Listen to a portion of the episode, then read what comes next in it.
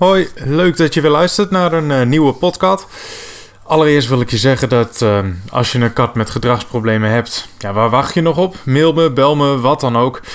Kijk hiervoor op uh, mijn website thomaseimke.nl schuine contact of mail naar thomas.thomaseimke.nl. Ik wil je heel graag helpen en ik wil ook niets liever dan dat alle katten ter wereld gelukkig zijn.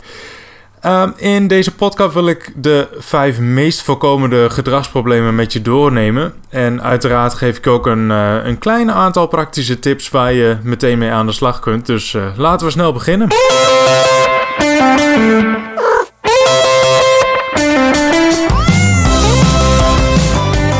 In het uh, Verenigd Koninkrijk is onderzoek gedaan naar eigenaren en gedragsproblemen bij hun katten. En uit het onderzoek is gebleken dat ruim 62% van die eigenaren één of meerdere gedragingen van hun kat wel eens zou willen veranderen. Nou, in Nederland zijn er naar schatting zo'n 2,6 miljoen katten die als gezelschapsdier worden gehouden. En in veel gevallen zijn er meerdere katten in huizen aanwezig. Dus laten we ervan uitgaan dat er ongeveer, nou, pak een beetje, 750.000 huishoudens met katten zijn. En als we die cijfers vanuit Groot-Brittannië doortrekken naar Nederland, zou dat betekenen dat er ongeveer een half miljoen huishoudens zijn waarvan de eigenaar graag het gedrag van een van de katten aan wil pakken. Dat betekent dat er heel veel mensen zijn die problemen ervaren met het gedrag van hun kat. En ja, wat zijn dan gedragsproblemen? Waardoor ontstaan ze? En wat kun je doen om ze te verhelpen of nog beter te voorkomen? Nou, ik ga in elk geval de meest voorkomende gedragsproblemen met je doornemen. Het allereerste probleem is uh, agressie. Ik heb ze op willekeurige volgorde gezet hoor. Niet dat deze het meeste binnenkomt of wat dan ook. Um, maar het eerste probleem wat ik wil bespreken is in elk geval agressie. Uh, katten kunnen agressief zijn om meerdere redenen. Een voorbeeld hiervan is uh, spelagressie. Deze vorm van agressie is vaak gericht op de eigenaar en ontstaat in veel gevallen doordat er niet of op een verkeerde manier wordt gespeeld met de kat.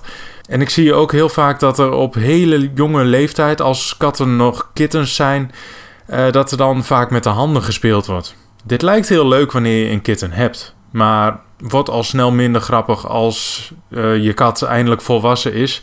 De tanden van de kat zijn namelijk gemaakt om te doden en ze kunnen heel veel schade aanrichten. Mijn allereerste tip van vandaag. Speel nooit, maar nooit met je handen. Zorg er altijd voor dat er afstand is tussen jou en je kat. Dat kan heel mooi uh, door middel van een hengeltje met een muisje of veren. Um, en boots de jacht dan ook gewoon na. Uh, zorg dat je ergens de hoek omgaat, dat de prooi verdwijnt en dat je kat er gewoon lekker achteraan kan. Een andere vorm van agressie die vaak voorkomt is aai-agressie. Wij mensen hebben heel erg de drang om onze huisdieren de hele dag door te aaien. Is laatst onderzoek nagedaan door een bioloog. En die drang komt uh, van heel vroeger dat we elkaar willen vlooien. Net als wat apen doen. Um, daardoor willen wij heel graag die katten aaien. Maar voor katten is dit volstrekt onnatuurlijk. Vooral als je kat in de eerste zeven weken na de geboorte weinig contact heeft gehad met mensen, is aaien vaak al allereerst al een onmogelijke opgave. En wanneer je je kat toch langere tijd achter elkaar aanhaalt, dan kan het zijn dat je wat subtiele signalen ziet waarmee de kat wil laten zien dat hij het toch niet helemaal fijn vindt. Het kan ook gewoon zijn dat je kat gewoon wegloopt, een keer schudt met de rug, uh, maar in de meeste gevallen zie je vaak een staat die heen en weer begint te zwiepen. En nee, je kat is geen hond, je kat vindt dat niet leuk, maar dit is een eerste opzetje naar uh, als je nu niet ophoudt, dan pak ik je zo. Nou, als je dat ziet, kun je dus beter stoppen. Uh, stoppen met aaien, want anders kan het zijn dat je een setje klauwen en schuine streep of een paar tanden in je hand hebt staan. Nou, er zijn nog veel meer uh, vormen van agressie. Mocht je hier meer over willen leren, ik doe ook cursussen. Dus uh, vraag een cursus aan via mijn website. Kan gewoon bij jou thuis. Uh, hoef je niet, uh, ik, ik hoef geen ruimte af te huren. Jij zorgt gewoon voor dat er wat vrienden, wat kattenmensen langskomen. En we maken er een leuke avond van. Of middag, of wat dan ook. Uh, het tweede probleem dat vaak bij gedragstherapeuten zoals ik, die vaak bij mij terechtkomen dan, dat is onzindelijkheid. En dit is een van die problemen waarbij ik als uh, ja, harde ijs uh, in elk geval uh, stel dat de urine van de kat is nagekeken door de dierenarts. Want Medische oorzaken moeten altijd worden uitgesloten. En heel vaak is het zo dat bij onzindelijkheid er urinewegproblemen zijn. Dus daarom eerst naar de dierenarts om dat uit te sluiten, want anders heeft gedragstherapie totaal geen zin. Nou, als er geen medische oorzaak is, dan kijk ik naar de omgeving van de kat. Bijvoorbeeld, waar staat de kattenbak? Uh, staat deze naast een voerbakje of niet? Want katten verkiezen heel vaak het eten boven het doen van hun behoeften op die plek. Nou, waarom doen ze dat? Het is heel simpel. Uh, eten moeten ze doen om te overleven. Ja, dan plassen ze liever ergens anders dan dat ze uh, ja, niet eten. Een andere reden kan zijn dat de bak te vies is, uh, of deze op een plek staat waar het veel te druk is, uh, dat de kattenbak te klein is. Dat kan natuurlijk ook nog, dat er een kap op zit. En ook voor katten is dat totaal niet prettig. Um, maar je hoort het al. Als het gaat om onzindelijkheid en er is geen medisch probleem, is de kattenbak vaak de boosdoener. Uh, maar soms ook niet. Uh, bijvoorbeeld in huishoudens met meerdere katten. Dan kan het zo zijn dat de ene kat de doorgang naar de kattenbak uh, belemmert. Gewoon blokkeert voor de ander. En ja, ja, die moet toch ergens zijn behoefte doen. Dus die gaat dan maar op de deurmat. Um, voor meer informatie over kattenbakken en onzinnelijkheid, luister dan even naar podcast nummer 4. Want daar ga ik er veel uitgebreider over in en geef ik je nog veel meer tips. Uh, dan gaan we door naar de derde. Uh, het derde probleem waar ik het even met je over wil hebben. Uh, dat is sproeien. En sproeien en onzindelijkheid wordt heel vaak in één adem genoemd. Maar het is toch wel degelijk wat anders. Want onzindelijkheid, dat is gewoon het legen van de blaas. Um, al dan niet op een plek waar jij het wel of niet leuk vindt. waarbij sproeien gebruikt wordt om territorium af te zetten. Want op deze manier laat jouw kat aan andere katten in de buurt weten: dit is mijn plek. Dit is mijn huis, blijf hier weg. In een harmonieus huishouden doen katten dit door bijvoorbeeld kopjes te geven aan uh, de tafelpoot, de bank of uh, beter nog tegen jou.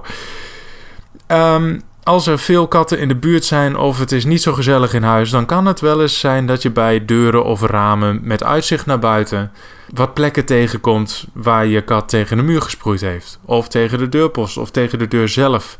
En dat is minder grappig, want uh, laten we heel eerlijk zijn, die lucht is niet te harden. En als dit bij jou gebeurt, uh, ga dan ook met je buren in gesprek om te kijken hoe je samen kunt voorkomen uh, dat de katten in elkaars tuin of in elkaars territorium of misschien zelfs in elkaars zicht komen. Nou, iets anders, dit is nummer 4 al, we gaan er heel snel doorheen. Uh, iets anders wat mij heel vaak gevraagd wordt, is het volgende. Hoe kan ik ervoor zorgen dat mijn kat mijn meubels en mijn behang heel laat? Nou, het antwoord is heel erg simpel. Uh, geef je kat goede alternatieven om aan te krabben. Uh, zoals een goede krabpaal bijvoorbeeld, of krapplanken aan de muur. Je wil niet weten hoe vaak ik bij mensen thuis ben geweest die zeggen: Ja, ja, ja ik heb een krabpaal uh, in huis staan. Uh, hij staat daar. En vervolgens zie ik daar ergens verstopt in een hoekje achter een kast onder de trap. zie ik een mini-mini krappaaltje staan. Nou, die is leuk voor kittens, maar hmm, nee, leuk geprobeerd, maar dit telt niet. Een kat moet zich helemaal uit kunnen rekken aan een krabpaal. En je moet hem echt op een plek zetten waar je kat graag langskomt. Zoals bij de bank, zoals je favoriete fauteuil. Uh, dit is namelijk de beste manier om jouw meubels te redden. Dus zorg ervoor op die plekken waar je kat al heel vaak krabt, dat je daar gewoon een goede, goede krabpaal hebt staan. En dan zijn we aangekomen bij het laatste probleem.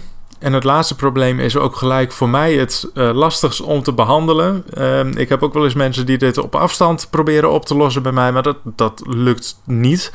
Want er kunnen namelijk heel veel verschillende redenen voor zijn waardoor dit gedrag uh, ontstaat. En ik heb het in dit geval over angst. Uh, soms is een kat namelijk bang voor, voor iets door een traumatische ervaring.